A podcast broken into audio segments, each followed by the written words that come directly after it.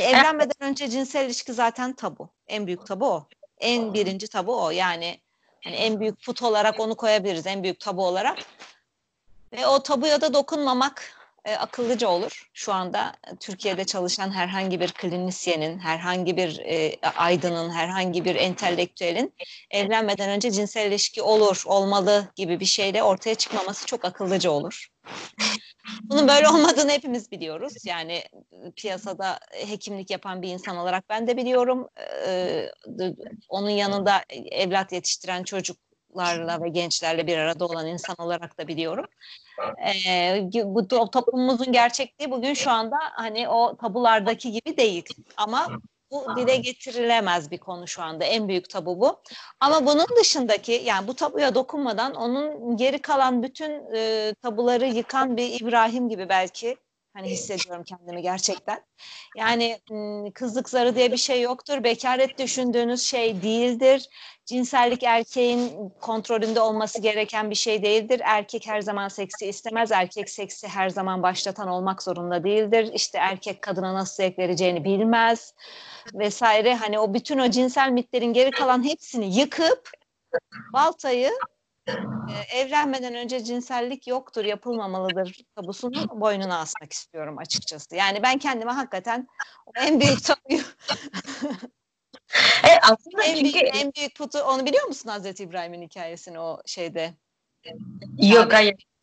Bilmiyorum. Hazreti İbrahim'in öyküsü bilmiyor musun? Gidip Hazreti İbrahim Kabe'yi inşa eden peygamber biliyorsun. Hani o şeyde oğlunu kesecekmiş Allah ona şey göndermiş koyun göndermiş o, İbrahim o İbrahim işte İbrahim Abraham büyük baba demek zaten Abraham Abraham Abraham Adam neyse işte Abraham büyük baba demek ee, o büyük baba e, o Kabe'nin içinde putlar varmış o dönemde herkes oranın artık elektromekanik şeyinden mi hoşlanıyorlarmış oraya tapınmaya geliyorlarmış. Herkes de yeni elektromekanik açıklama oldu. Elektromekanik enerjisi kuantumu yüksekmiş oranın.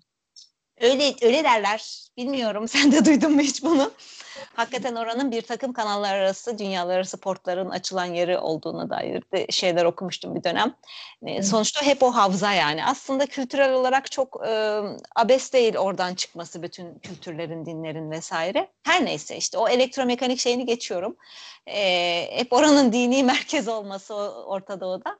E, Kabe'de o putlar herkes tapıyor. İşte Lat var, büyük put Lat galiba. Bir tane daha vardı. Lut ve bilmem bir şey neyse. Lat'la. E, bunlar genelde kadın olarak tasvir ediliyor. E, o eski doğa anne, e, kadın dişi tanrı. Hı hı. İşte iştar falan hani büyük tanrıçaya doğa anne erkekler hatta kadın tanrıça bozulmasın diye penislerini kesiyorlarmış onlara. Hani aslında bu sünnet geleneğinin de atasını oluşturur. Çeşitli şeylerde eski yazıtlarda geçiyor bu. Eskiden tanrılar kadın yani. Hı hı. Kadın ve bunlar put, put şeklinde. Fakat e, işte o putların yıkılmasından sonra yani senin elinle yaptığın bir şeye tapınman manasız. Bu el yapımı bir şey yani. Bunu işte ilk İbrahim yıkıyor. Bütün o putları yıkıyor Kabe'deki.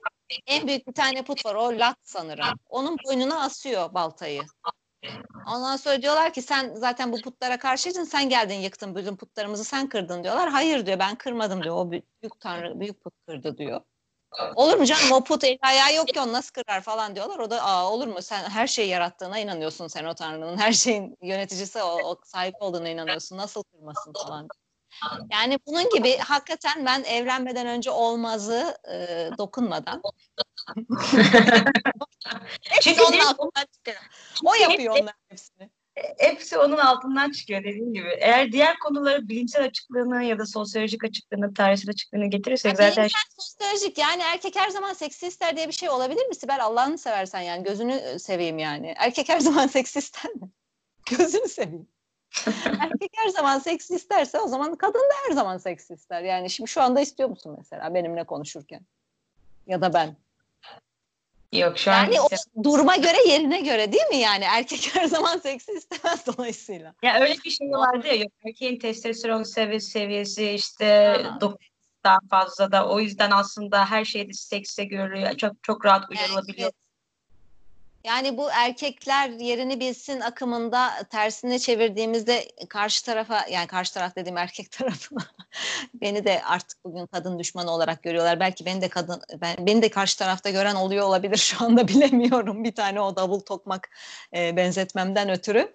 E, şey Esasında bugün niye bunu konuşuyoruz? Söyleyelim hemen dinleyicilere. Onlar tabii muhabbetimizin başını kaçırdılar. Benim e, YouTube'da OCTV'de davet ettiler. Birkaç program çektik. El Alem Ne Der adı da. Yani benim bu tabu yıkan tarafımı e, gördü. E, Modern Sabahlar e, şeyleri, anchormenleri Fahir Övünç ve Ege Kayacan. E, onlar da kendi gibi bir çevreleri var tabii haliyle. Kendi zihinsel yapılarında entelektüel. Ee, Oğuzhan Bey de o OCTV reklam kanalı o. Ee, onun sahibi. Bendeki bu put yıkan, bende bir put yıkan bir taraf var. Yani daha doğrusu putlar, putlarla derdim yok. İnsanlar istediği putu yapsınlar, istedikleri şekilde tapınsınlar. Onlara bir şey demiyorum ama e, bunun için acı çeken insanları gördüğüm zaman katlanamıyorum ben. Yani o uğruna o putun uğruna acı çekeni gördüğüm zaman. Yani e, bir, belli bir doğru bellemişler belli bir şeyi putlaştırmışlar ona inanıyorlar ve bunun için acı çekiyorlar. Atıyorum bu putlaşan şey doğum da olabilir yani doğum ağrılı bir şey ve ben bunun için acı çekeceğim bu şekilde doğuracağım.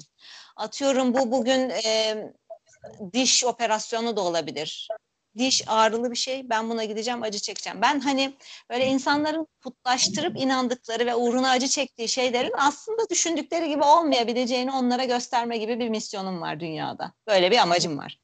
Bu amaç uğruna ben kadın doğumcu oldum bugün.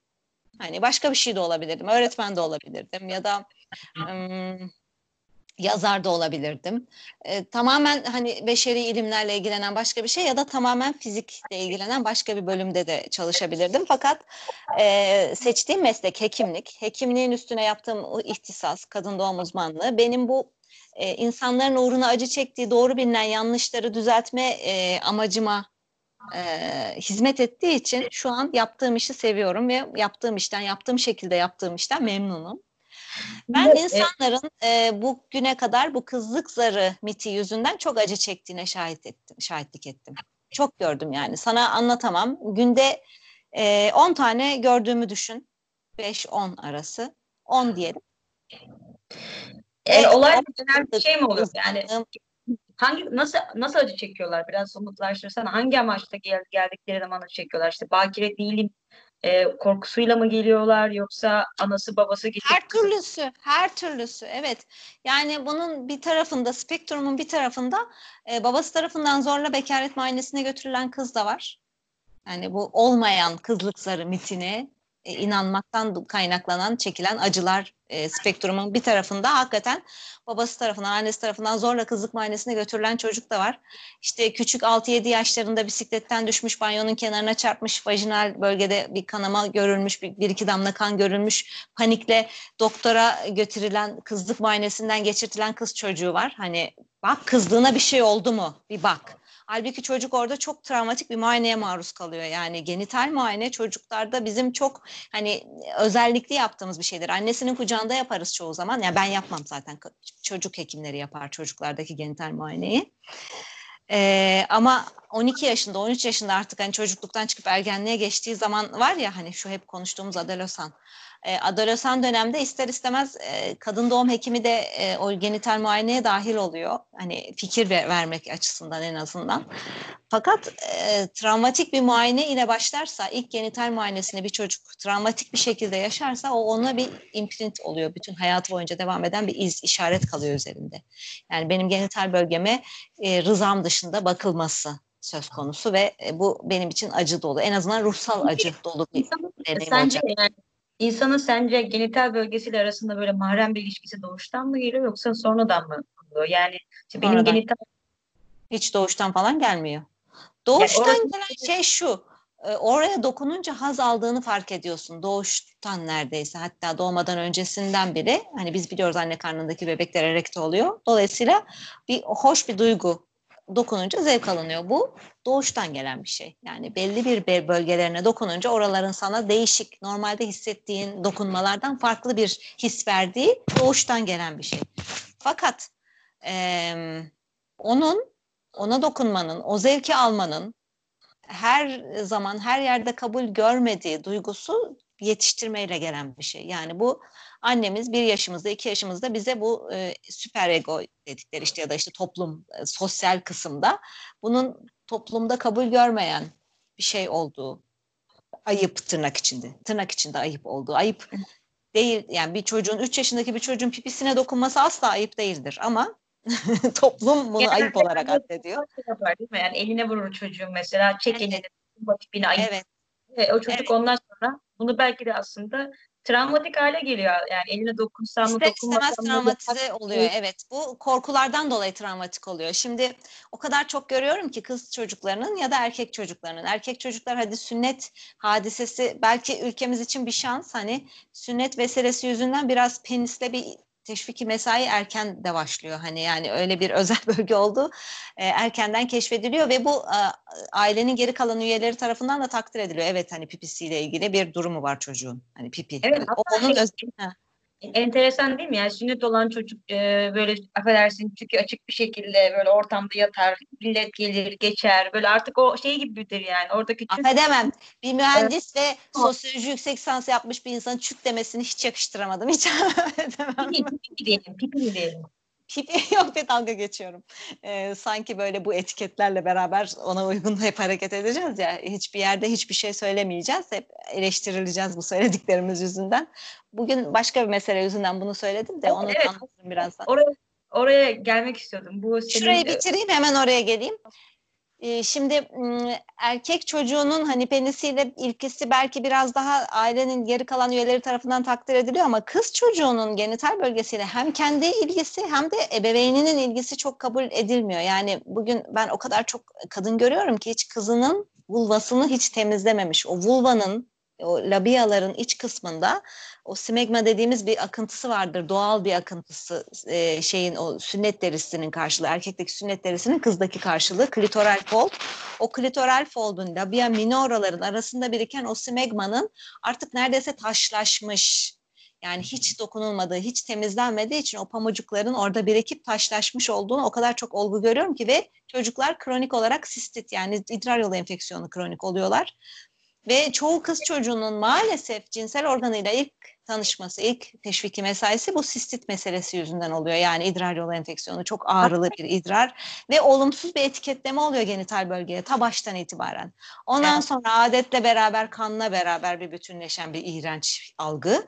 Dolayısıyla kız çocuk maalesef hiçbir şekilde genital bölgesiyle barışık yetişmiyor, devamda etmiyor o şekilde. Öyle de devam edip gidip evleniyor. Evlenince bu sefer orayı bir haz bölgesi olarak görmekte çok zorlanıyor kadın. Ve benim e, bütün mesaim bu kadınlara bunun böyle olmadığını sıfırdan itibaren ispat etme. Ama ta baştan yani her zaman için hekimlikte asıl olan koruyucu hekimliktir Sibel'cim. Yani bir şey olmadan önce engelleme. Benim hani e, kendimin ülkede ünlü olması, aranması insan çok güzel bir şey yani beni arayın hani benim fikrime değer verin falan çok güzel bir şey. Egom okşanıyor bu tür şeylerle evet ver hoş bir şey bunu inkar edemeyeceğim. Ama kendi şahsımın ünlü olmayla ilgili bir derdim olmadı hiçbir zaman. E, fakat e, ister istemez oluyor bu fenomenliğe doğru bir gidiş oluyor ister istemez. Benim amacım hiçbir zaman ünlü olmak değil fakat bunların konuşulması, halkın e, yani daha doğrusu bu doğru bilinen yanlışlar nedeniyle acı çeken halkın aslında doğru olmayabilir mi? O anlamda hani davul, tokmak, zar e, benzetmesi benim halka ulaşmamı sağlayan bir şey oldu. Şimdi oraya geleyim, anlatayım. Benim e, bu e, Modern Sabahların editörleriyle, şeyleriyle bir e, videom olmuştu. Video serisi yaptık işte şey YouTube'a.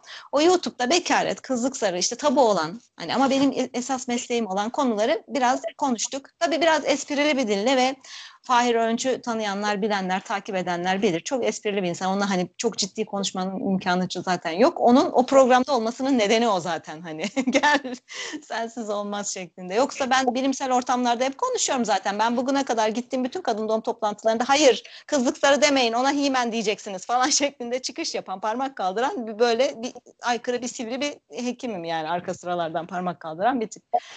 Şimdi orada e, bekaret anlattığım bölümün çok küçük bir bölümünü almışlar sadece 20 saniyelik bir kısmını. O videoların birkaç yerlerini böyle kırpıp e, TikTok'a koymuşlar 20 saniye 30 saniye 40 saniye TikTok'taki videoların özelliği o 20 saniye 30 saniye 40 saniye olması.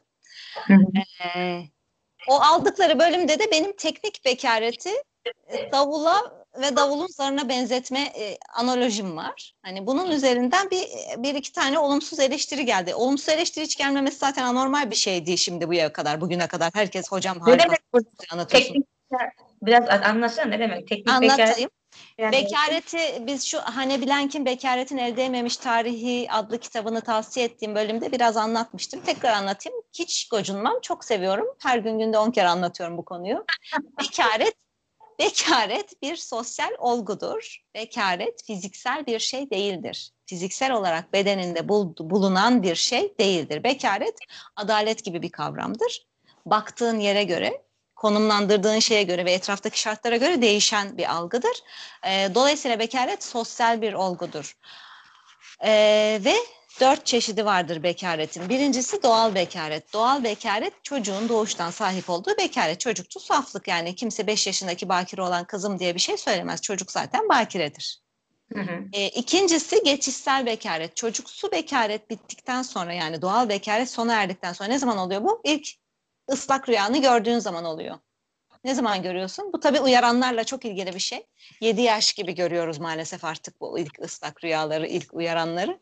Aslında 11-12 yaş olsa fena olmaz ama maalesef televizyon, internet, çocuğun okula gittiği okuldaki arkadaşları vesaire bir erken hazlanma, erken duyarlanma durumu söz konusu ve e, bir rüyanda bir hazlanmayla başlıyor genelde. Sonra onu gündelik o cinsel organınla da eşleştiriyorsun o zevki ve bir cinsellik düşünme durumu söz konusu oluyor ister istemez. Sen bunu kontrol edemiyorsun çok fazla. Dolayısıyla çocuksu bekaret bitiyor. Çocuksu hı hı. doğal bekaret bitiyor. Fakat eyleme yönelik henüz bir e, faaliyete geçmemişsin. Yani bir eşli, bir partnerli, bir başkasıyla bunu paylaşma. Belki ebeveynle paylaşmak özel bir statüde olabilir burada. Ebeveynimle bunu ne yapayım diye bir paylaşma söz konusu. Orada o bekaret bitmiyor. Fakat bir başka partnerle yani bir, bir başka ötekiyle bunu paylaşmak dolayısıyla bir eşli cinsel aktivitede bulunmak bekareti bozan şey ya değil mi? Eşli cinsel aktivitede bulunmak bekareti bozan şey. Eşli bir cinsel aktivitede bulunmazdan önce çocuksu bekaretten çıktığın o döneme geçişsel bekaret diyoruz. Adı üzerinde geçişsel bir dönem olarak bir bekaret. Şimdi bu da bir süre yani. Konuştuk ilk cinsel ilişki ne zaman olmalı? İşte Dünya Sağlık Örgütü'nün araştırmasına göre 21 yaşına kadar yaklaştırırsan o kadar iyi anımsarsın bu duyguyu, o, o tecrübeyi. Ama işte ortalama 17 yaş. Hani ülkemizde bir yaş daha ileride. Dünya ortalaması 16 gibi. Ülkemizde 17 kızlar için konuşuyorum. Ee, bu, bu dönemde 17 yaşında, 16 yaşında ilk cinsel aktivitenle beraber bekarlık bitiyor değil mi? Ama e, bir üçüncü bekaret türü daha var. Yemin edersin. Sen bu hazlanmayla ilgili e, bilgileri alınca ailenden.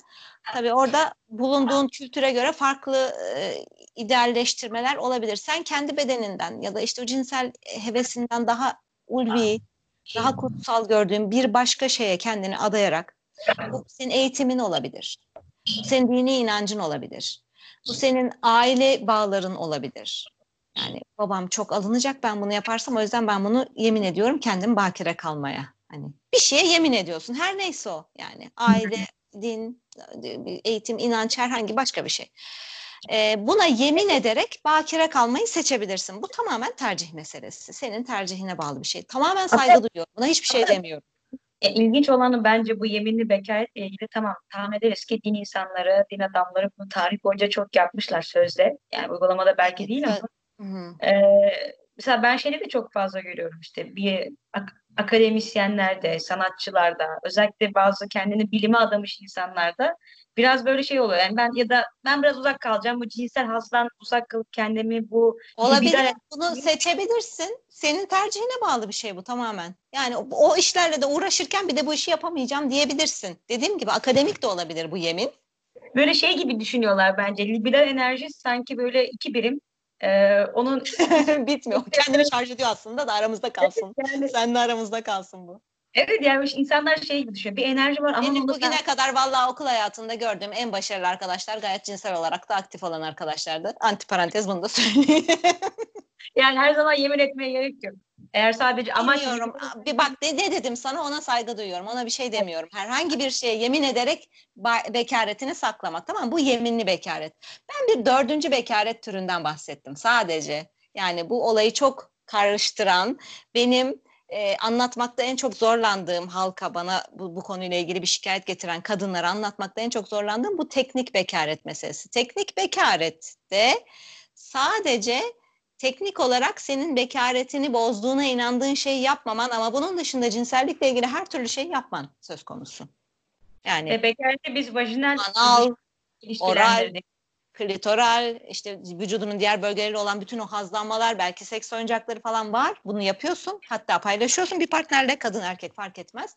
Ama vajinada herhangi bir aparat ya da penis almamışsın. Tamam mı? Bu bu bekaret türüne teknik bekaret diyoruz ve bu teknik bekaret tanımlaması da davulun zarı sağlam ama tokman değmediği yer kalmamışı çok bence karşılıyor.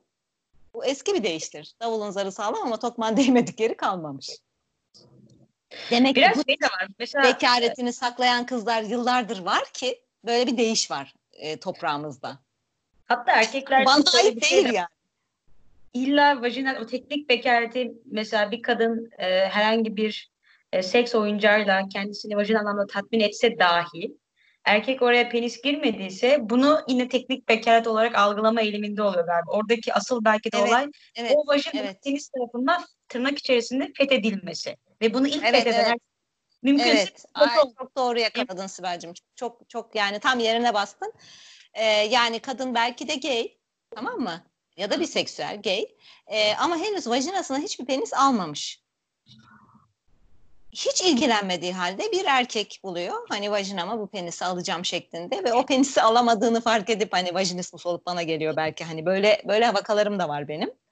Ee, çok hasta görünce her çeşit görüyorsun yani gay, biseksüel, transseksüel hani farklı Çünkü çe- şeyler galiba bu olay ister istemez kadınlarda yani düşünsene bütün olay vajinaya penisin girmesiyle ilgili bir Ha, patoloji. fethetme. Ee, Evet. Kadın için sanki onun olamayışı. Yani Evet, fethedilemeyiş.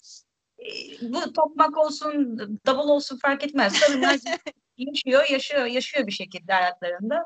Ama vajinaya girme kısmında en açık fikirlisi bile böyle biraz daha "Hmm, hmm, bir düşüneyim ben falan modunda davranıyor genelde Türkiye'de. Çok çok az insan vardır ki herhalde 13, 14, 15 yaşında teknik bekareti de atlatmış olsun. Yani anlatabiliyor muyum? Çok genelde bir süreç oluyor. Bu Yani orada zaten kanuni bir tanımlama da var. Yani 13-14 yaşındaki bir kızın vajinasına herhangi bir duhulde bulunmak zaten e, o çocuğun ırzına tecavüz olmuş oluyor. Kanunda yeri var. 15 yıldan bas- başlıyor yani.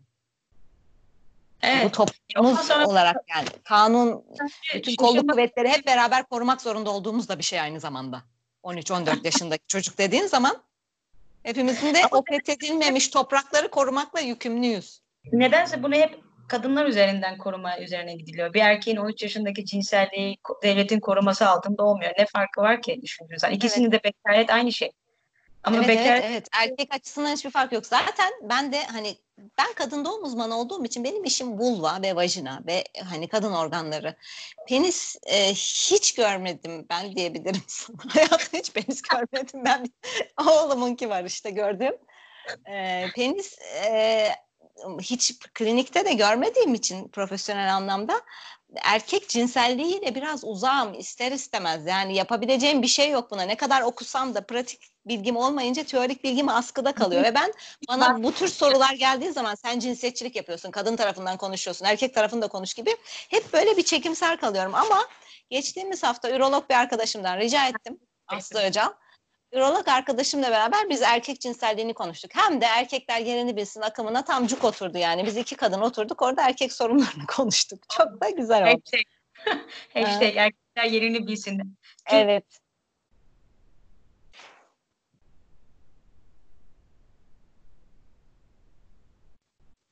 Hiç kadın yok. Ee, ne bileyim e, o tartışılan diğer taraf aslında söz söyleme hakkının çok daha fazla olduğu, deneyimin çok daha fazla olduğu. Diğer taraf orada olmadığı zaman aslında bakarsan toplumsal tabuları tekrar etmiş oluruz. Daha fazla entelektüel düzeyde ve canlı yayında yani televizyon ekranlarındaki evet, evet, tartışmalar. Evet, evet. Bazı. Bunu bunu yapmak istemiyorum işte ben. Eğer böyle bir şey yapıyorsam bana beni nerede olursa bul ve haddime bildir lütfen. Bana yapacağın en büyük iyilik budur. Bana haddime bildirmek. Yani sen aslında çok üst düzey entelektüel Burada e, şeyler, şey aynı tabuları belki, tekrar e, ediyorsun e, dediğin olsun. zaman ben onu ne duyarım yani. E, er, erkek ürologlar, kadın ürologlar, erkek kadın neyse seksologlar bunları e, belki bu da açık çağrı olsun. Bekliyoruz. İletişime geçsinler biz bu. konuyu farklı perspektiflerden konuşabiliriz bu bahanede. Evet neticede şey kısmı bu kısım bu davul kısmında şöyle belki devam edebiliriz. Burada seni bayağı bir online şeyde e, erkekler özellikle hoşuna gidiyor tabii bu konu. Bak hocam işte ne güzel söyledi. Bir sürü kezban var böyle işte. Ha burada ee, burada evet erkekler kendi taraflarından, kadınlar kendi taraflarından algılayıp bunu çekim çekebilirler çeşitli yerlere. Ee, bu ama iki taraflı da bir uyarı. Yani kızım kızım yani madem sen bu oğlandan böyle bu işleri yapıyorsun ve hoşlanıyorsun bundan hani o saklayıp durduğun şeyi de yap ne olacak yani? Aha yapıyorsan ama ve gebelik olma ihtimali varsa önlemini alarak yani gebelikten korunarak vesaire vesaire. Ya da yapma Önce... o zaman. Erkek de bak sen bana bu kadar çok şeyleri yaptırıyorsun, yaptırıyorsun, yaptırıyorsun ama içine girmeme hiç müsaade etmiyorsun. Bak hoca ne diyor? Davul zar diyor. Bak oha çok da güldük, eğlendik. Şimdi yapayım ben bunu. Sen kendini niye ona teslim ediyorsun ki? Etme yani bir dakika. Evet doğru söylüyor hoca. Ben bunu yapmayı hiç istemiyorum. Senin bu öteki yaptığın şeylerin de hiçbirisini istemiyorum deyip kapı dışarı at yani madem öyle. Fakat Sibel Allah seni inandırsın ya. Allah seni inandırsın. Bunların hepsi zaten bende yazılı vakalar da. Ee, 8 yıl çıkmışlar. 8 yıl. 7 yıl, 12 yıl, 5 yıl, en azı bir yıl yani. İnsanlar çıkmış, çıkmışlar. Çıkmışlar sadece. Hiçbir şey yok. Vajinismus. Yani vajinismuslarımın neredeyse yüzde sekseni bu şekilde bir yıldan fazla bir süre flört dönemleri var ve o flört döneminde e, bir şeyler oldu ama o vajinal penise girme işi hiç kesinlikle olmadı. Yani şimdi e, kadınlı erkekli hem kız hem oğlan onu saklamış imtina etmiş onu yapmaktan. Yapmayayım.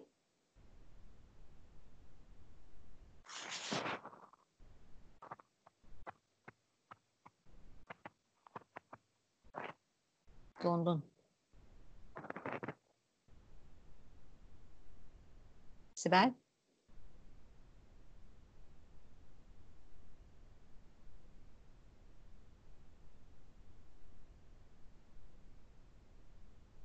Şu an düzeldi galiba. Evet, ha, öyle mi? Tamam.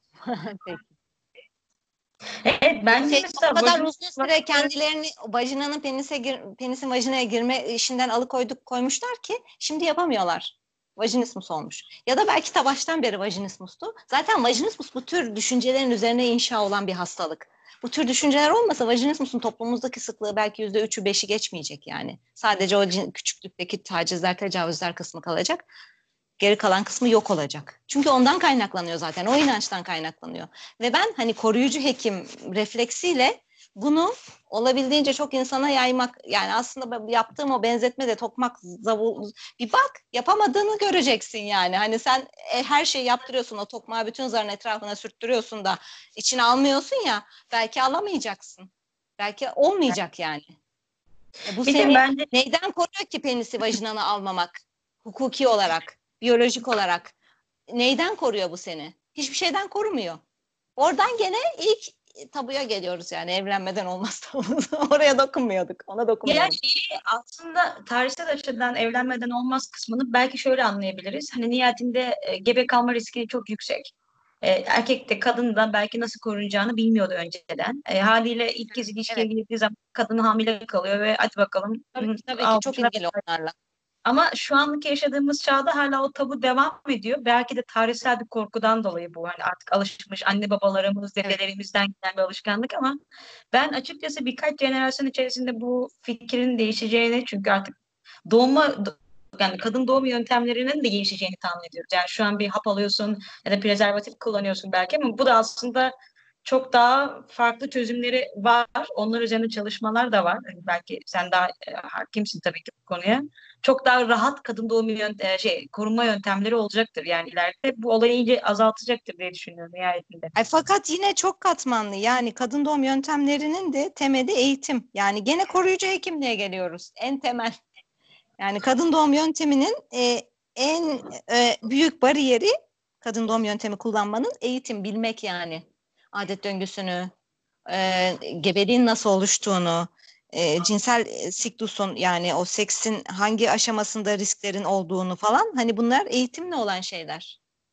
Mesela senin geçen bekaret konusunda bir tanımın vardı. Benim bayağı hani güzel bir net bir tabir. Yani illa olayı sadece vajina ilişki gibi değil de başka bir insanla bedeninin çıplaklığını ve zevkini paylaşmak olarak tanımlarsak Evet, belki evet. teknik belki teknik bekaret konusundaki o işte davul, zar bilmem ne tokmak olayı artık eş, çok eskimiş ve aslında en çok kadına zarar veren.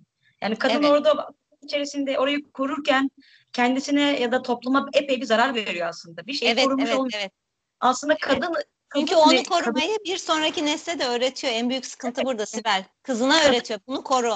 Anne öpüşmek istiyorum. Öpüşmeyecek miyim? Anne çok çağ dışısın artık. 15 yaşında böyle bir kız çocuğunun gözleriyle karşılıyorsun. Anne çok çağ dışısın. Öpüşmeyecek miyim? Yuh falan. E, e, e, öpüş falan yani ama biliyorsun oranın ucu nereye bağlı. Tamam ama hiç orada kilodunu kesinlikle çıkartmayacaksın kızım falan. O kadar çok hastam var ki benim kilodunu hiç çıkartmadan sevişmiş yıllardır. Kilodunu hiç çıkartmadan sevişmiş. E şimdi vajinismus. E olur böyle olur yani. Vajinismus böyle böyle gelişen bir hastalık çünkü. Çünkü ya olayın bence bir bireysel zevk kısmı var dediğin gibi. Vajinismus ya da korkular bunun en önemli engeli haline gelebiliyor. İkincisi de toplumsal eşitsizliğe en büyük katkı bununla yapıyoruz. Yani Evet. sen kendi kızına, kendi çocuğuna, kendi oğluna hatta yani benim oğlum yapar tabii yani. Erkek adam tabii sevişir yani falan deyip kendi kızına aman kızım işte senin bekaretin, senin altın bileziğin falan gibi sağda solda yani kıza bir kez desen bunu. Kızım işte Hatta üniversiteye bunu gitti, bazı anneler iyi bir annelik özelliği olarak söylüyorlar. Ben oğlumu vulva salak yetişti. Vulvayı tabii hani eğitimli olduğum için küfür o iki harfli o şeyi söylemeyeceğim yani Sibel'cim. O yüzden vulva diyorum. Vulva salak. Benim oğlum vulva salak olmayacak. Benim oğlum vulva salak ol- olarak yetiştirmiyorum ben. Bir vulva yüzünden her şeyi yapmayacak benim oğlum falan. bana bana mı attın beni?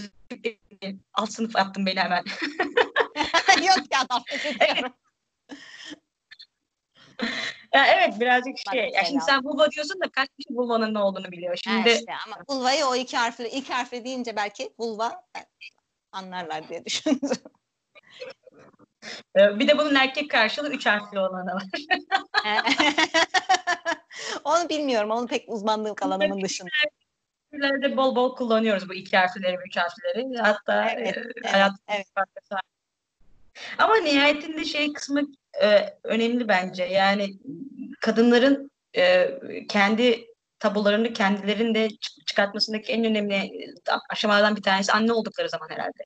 E, bu şeyden çıkabilmeleri, bu tabudan ama o kadar zor ki yaşadığımız toplumda e, yani bunun tam tersini öğrettiğin zaman e, hafif kadın olarak algılanan, işte bu kadın e, evlenilecek kadın var, evlenilecek kadın var diye algılanan böyle garip bir toplumda yaşıyorsun. Ben mesela bu şeyi gördüğüm zaman e, belki bahsetmiştik. Erkekler yerini bilsin. Erkekler yerine bilsin. Evet. Onun Evlenecek erkek, evlenecek erkek. birkaç ekşi sözlükte yorumlara bakıyorum. Yani insanların, erkeklerin tepkilerini görüyorum. Ve aslında bakarsan hakikaten o kafa davulda, kafa e, zarda, kafa Tokmakta işte, yani hakikaten e, o kafada kalmışlar ve bütün olayı kadının işte cinsel Yani benim o ıı, 20 saniyelik videomun WhatsApp gruplarında böyle bir infial şeklinde yayılmasının nedeni de bu insanlar da dokundu bir yerlere. İnanılmaz yani hatta bunu yani iki, iki tarafta erkeklerin bu birazcık daha bunlar rahatsız olan dedin ya 12 seneden beri birlikte oluyorlarmış çıkıyorlarmış ama e, hiçbir şekilde cinsel ilişki vajinal Bizim ilişki başhekimimiz bile inanmadı istatistiklerimize. Hocam diyorum şu şekilde ya arkadaşlar dalga mı geçiyorsunuz? 12 sene ne yapmış bunlar diyor yani. Vallahi el ele sinemaya gitmişler. Valla açıkçası ben e, benim birkaç arkadaşım da vardı o muhabbet. Erkek erkek işte gidip arada sırada başka kadınlarla aldatıyor tamam mı? Şimdi kızlar da böyle şey diyor hatırlıyorum böyle ortamda. Ay ne kadar iğrençsin ya işte atıyorum ne kadar iğrençsin ya Ahmet falan yapıyor. Sonra ben düşünüyorum yani Ahmet de ne yapsın yani şimdi düşünüyorsun Ahmet ne yapsın? Hani aldatsın bunu haklı göstermek için demiyorum. Kadın kadını o kafadan çıkarmak gerekiyor. 12 sene boyunca hani e, yani vajin, vajinayı bir tür böyle tabu haline getirmek ee, orada bir İbrahim lazım yani. İbrahim o tabuyu kırması lazım. Buradaki İbrahim sensin. Konuş hocam.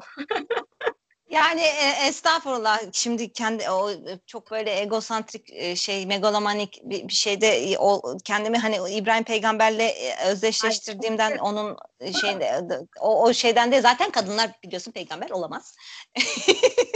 Kadın olduğum için zaten peygamber olamam.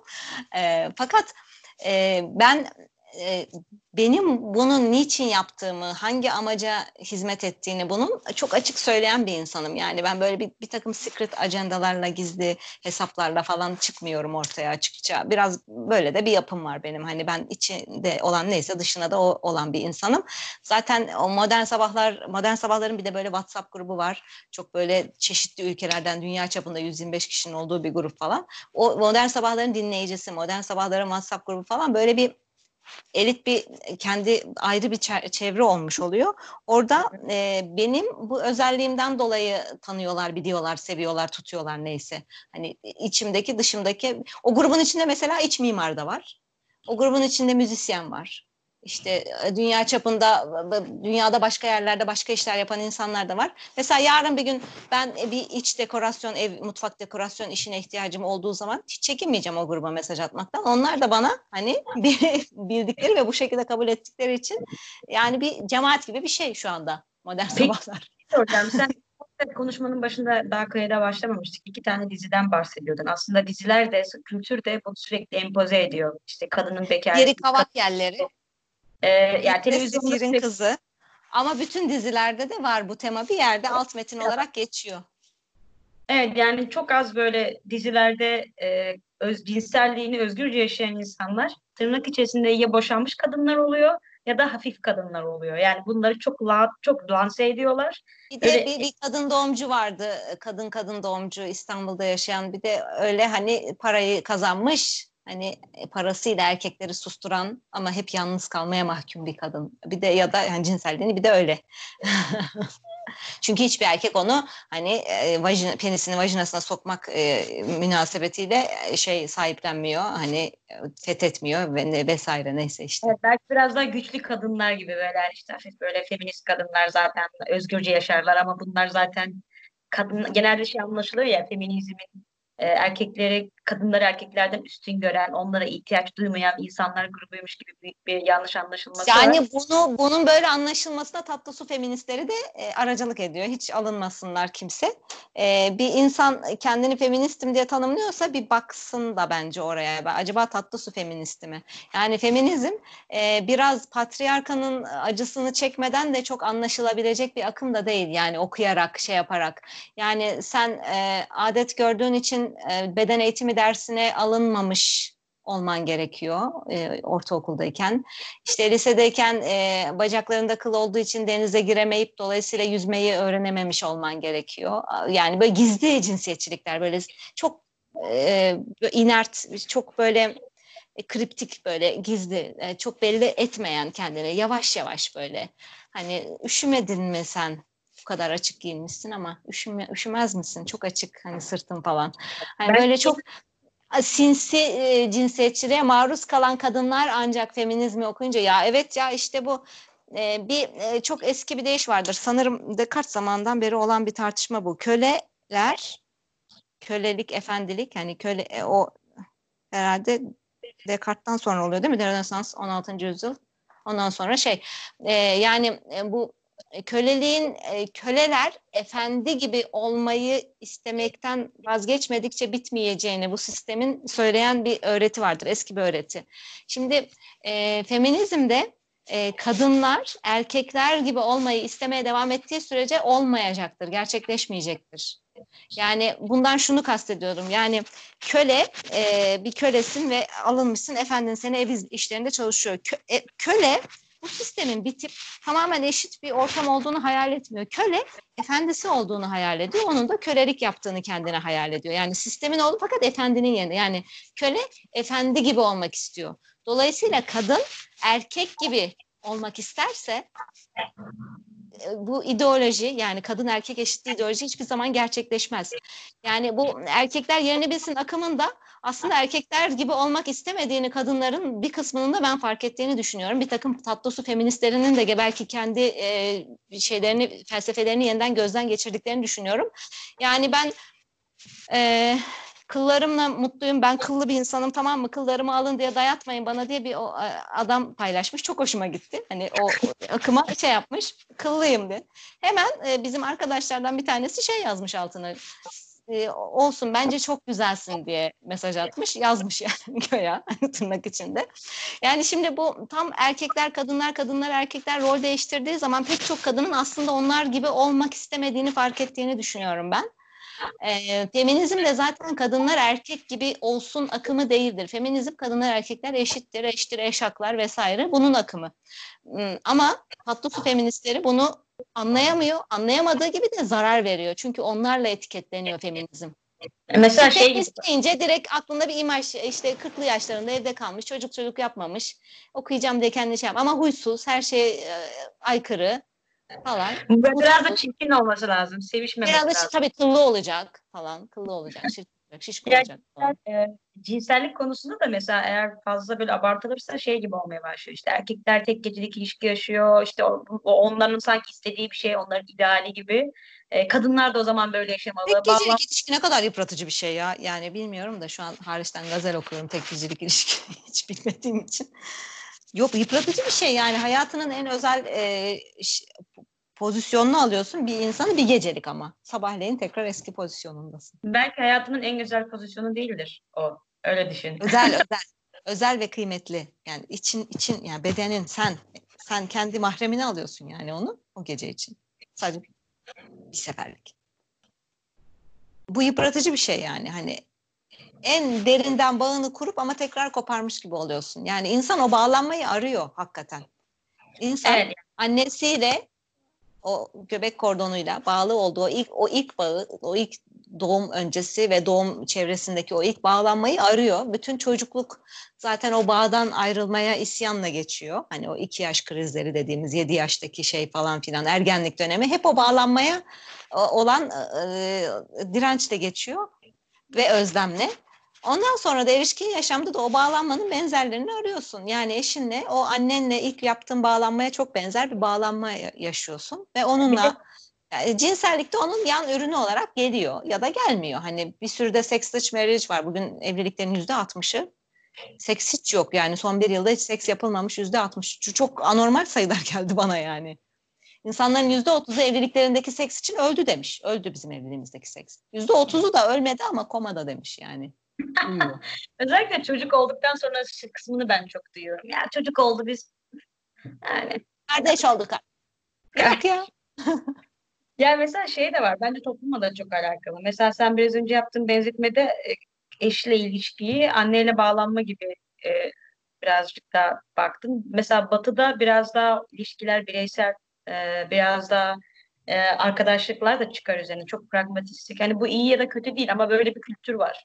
Yani insanlar birbirlerine daha çıkarcı. Mesela bizim Türkiye'de diyelim, genel olarak söyleyeyim.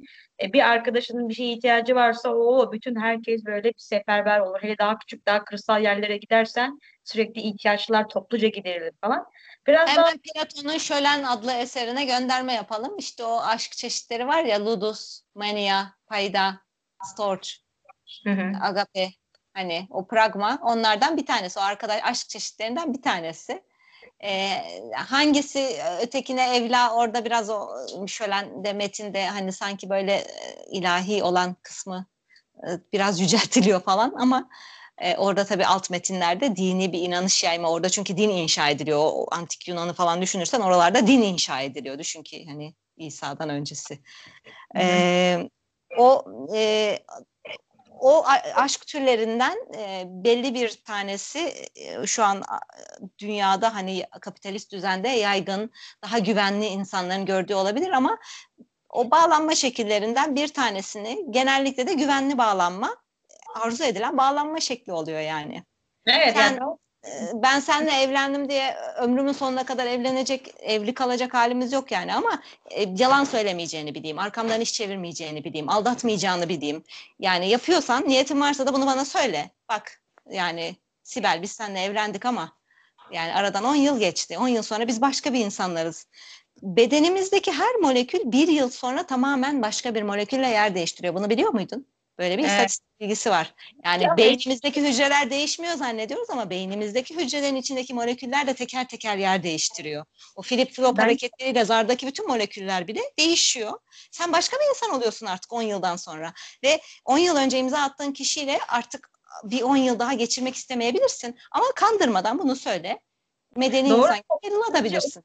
O kafaya girmek şundan dolayı zor olabilir. Yani şimdi dedik ya çok güven verilen bir bağ kuruyorsun. Aslında bir tür böyle bir bağlılık, bir tür böyle bir e, sanki aile nasıl ömür boyu devam ederse o ilişki de ömür boyu devam edecekmiş gibi bir yanılgı oluyor ve genelde monogamist bir ilişki oluyor bu. Öyle ee, biraz daha muhafazakar. Yani ama o biraz insan doğasına e, haksızlık etmek olur. Yani insanı 10 yıl önce e, verdiği kararla bağlayıcı şey yapmak. Hani evet, evet. E, kimin lafıydı o Kant'ın mı Descartes'in mı lafıydı? Hani e, onu o zaman yazmış olabilirim ama şimdi farklı düşünüyorum. Yani bir kişiyi bir zaman yazdığı bir e, metin üzerinden eleştiremezsin. O onu o dönemde o çevrede o şekilde düşünüp yazmıştır.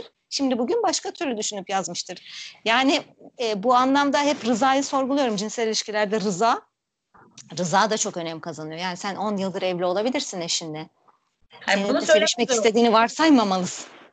Bunu bunu belki ayrılma kısmını karşı taraf çok kişisel anlayacak ve inanılmaz böyle aldatılmış hissedilecek diye insanlar endişe ediyor olabilir. Mesela bir örnek vereceğim. Bir e, Amerikan bir de Katalan bir arkadaşım var ikisi işte bir evlilik şeyine girdiler ama şöyle bir anlaşma yaptılar. Aslında enteresan. E, ve 2-3 senelik bir paketler halinde evliliği güncelleyeceklerini. Yani şimdi böyle... çok tatlı ya. Ama doğrusu bu. Buna evlilik terapistleri uzun yol bakımı gibi bahsediyorlar. Uzun yolda hani bakım yaparsın ya 50 bin kilometrede 100 bin kilometrede trigger kayışını değiştirmen gerekir. Aynen. Bunun gibi hakikaten ama yani 2 yıl sonra 3 yıl sonra sen başka bir insansın. Bir çocuk e, burada Barcelona'da yaşıyor. Kız Amerika'ya döndü. Amerika'nın yanına, kızın yanına gidecek. Yani aslında bir fedakarlık yapacak ama o, onu uzun vadeli hayatta bir e, inanılmaz büyük bir değişikliğe sebep olması ve iki tarafta birbirlerini gerçekten ilişki içerisinde sevecekler mi, devam edecekler mi görmek açısından anlaştılar. Yani üç sene sonra tekrar oturacağız, konuşacağız. Kontratı yenileyelim mi yoksa burada en, en sonlandıralım mı? Zaten o esnada farz et ki başka bir insanla tanıştın ya da hayatında farklı bir dönemden geçiyorsun. Üç senenin sonuna kadar da azıcık dişini sıkıyorsun. Hani o insanı yarı yolda bırakmıyorsun kontrattan dolayı. Ondan sonra üçüncü senenin sonuna geldiğin zaman diyorsun ki arkadaş ben seninle çok güzel bir ilişki yaşadım ama ee, şey yani sen, sen demiştin ya ilişkinin güvenli bir kısmı var. Güven aradığım bir kısmı var. Ama o güveni belki ömür boyu gibi uzatacak kadar da hani uzun kontratlar yapmamak e, belki daha sağlıklı. O evet kontrat... sen de değişiyorsun, karşındaki de değişiyor, ortam da değişiyor yani. E, burada sadece mesela tek gecelik ilişkiler kısmında sadece şey diyelim. Burada herhangi bir kontrat olmadan bunun içine girersen bir deneyim gibi oluyor. Yani değişik dünya mutfaklarını tatmak gibi. Yani sürekli Türk mutfağı evet. çok evet biliyoruz ama bir Vietnam yemeği yemeden de e, ölmemek lazım gibi. Anlatabiliyor muyum? Hani yani ben seksi çok o tandansta düşünmek konusunda kendimi rahat hissetmiyorum da bu benim kendi kişisel tabularımla ilgili olabilir. Yani her yemeği de tatmak zorunda değilim. Nasıl yapıldığını biliyor muyum ben Vietnam yemeğinin? Ben ondan hoşlanmayabilirim yani. Hiç yemeyebilirim hayatımda. Hiç de bir eksiklik hissetmem biraz bu senin hem yetişme tarzınla hem de dünya görüşünle ilgili bir şey. Mesela ben en çok kaymaklı dondurma severim. Hep de kaymaklı dondurma yerim yani. Ama derler ki bak bademli dondurma da çok güzel falan filan. Yani gene de bir dondurma yiyeceğim zaman yani bir, bir top dondurma yiyeceğim orada. Gene gider kaymaklı alırım. Çünkü biliyorum ben, ben onun zevkini. Ben şey böyle yapıyorum dondurma konusunda. Hani güzel de bir metafor olduğu için. Bir tanesini sevdiğimi seçiyorum mutlaka diyelim çilekli. Bir tanesini sevmediğimi seçiyorum. Mesela ben mesela matcha dondurmasını çok seviyorum matcha dondurmasını. Geçen gün yanında değişiklik olsun diye susamlı dondurma diye bir şey aldım tamam mı? Beğenmedim ama dedim ki denedim. Sonra maça yani hatta susamlı dondurmanın orada olması maçanın tadını iki katına çıkardı. Aslında keşke iki tane. Ama birazcık böyle şey yani bir tane ikisini de ikisini de denemediğini almak belki riskli olabilir. Yani ama e, dediğim gibi bu olay tamamen kişisel bir şey. Doğru bir kavram yok. Yani doğru bir yaklaşım yok. Senin ruhun hangisinde daha rahat hissedecekse e, o kısım herhalde daha doğru. E, bu arada karşımda ne güzel çay içtin canım çekti ya. Bizim Türkiye'de Çektim. Türkiye'de yok yani. Bir de sürekli çay getiren birisi var sana. Yani bir Bakıcımız şey, var. Valla bir şey hissettim bir şey. Dedim güzel güzel. yani Sibel'cim durumumuz var şimdi. Ben hiç hayatta para kazanayım, insanlar beni tanısın derdim yok hakikaten şu anda gördüğünüz falan. Ya mesela şey konusu bence enteresan. Belki bir sonraki konuşmada onu konuşabiliriz. Kadınların çoğu adet kendi adet döngülerini, adet döngülerinde hissettikleri Ha, şeyleri. en sevdiğim konular. Bayılırım, anlatırım. Hatta ben Çok geçen onunla ilgili evrim, sosyal, psikolojik, e, evrimsel şeyleri de anlatırım. evrim ağacında bir girin. Evrim Ağacı'nda bir yazı okumuştum. Çok etkilenmiştim. Hatta sana da sormak istiyorum. Burada da bir sonraki bölümün pazarlaması olsun. Neden e, kadınlarda yani memelilerde ya da kadınlarda bu adet dönemi bu kadar acılı oluyor? Bütün çünkü şeyi ne der ne derler? Bütün o yapıyı atıyorsun. E, bazı hayvanlar birkaç gram kanıyor, bitiyor. Bizde böyle inanılmaz çileli bir dönem oluyor. E, bunun bazı böyle evrimsel açıklamasını yapmışlar. Aslında çok verimsiz bir süreç. Ama evrimde bir şekilde e, toplumsal açıdan gelişmiş belki hani şey anlatılması o neden bu kadar ağrılı oluyor olmasa olmaz mıydı 21. yüzyılda Mars'a uçak göndereceğimize e, kadınların adetlerini acısız yaşamalarını sağlamak falan gibi konular belki enteresan olabilir. Yani kadınların adetlerini acısız yaşamasını sağlıyoruz da anlatırım. Tamam konuşalım bunu. Sevdim. bir de şey önemli adet, adet döngüsünün o süreçlerini bilmek e, hangi dönemde nasıl artıyor isteğin, acıların, Evet, evet. aldığın, e, bu Evet, Onlar. şey. Tamam o bilgilerin hepsine haizim. Güzel özetler anlatırım. Anlaştık o zaman. E, önümüzdeki hafta e, adet konusuyla ilgili e, devam ederiz. Tamam canım. Çok çok öpüyorum. Çok teşekkürler. Çok keyifli bir Ben de öpüyorum oldu. Cortado dinleyicilerine. Herkese güzel kahveler dinleyelim istiyoruz o zaman. Ee, kahveler, Hadi. çaylar. I better, I better check out my way.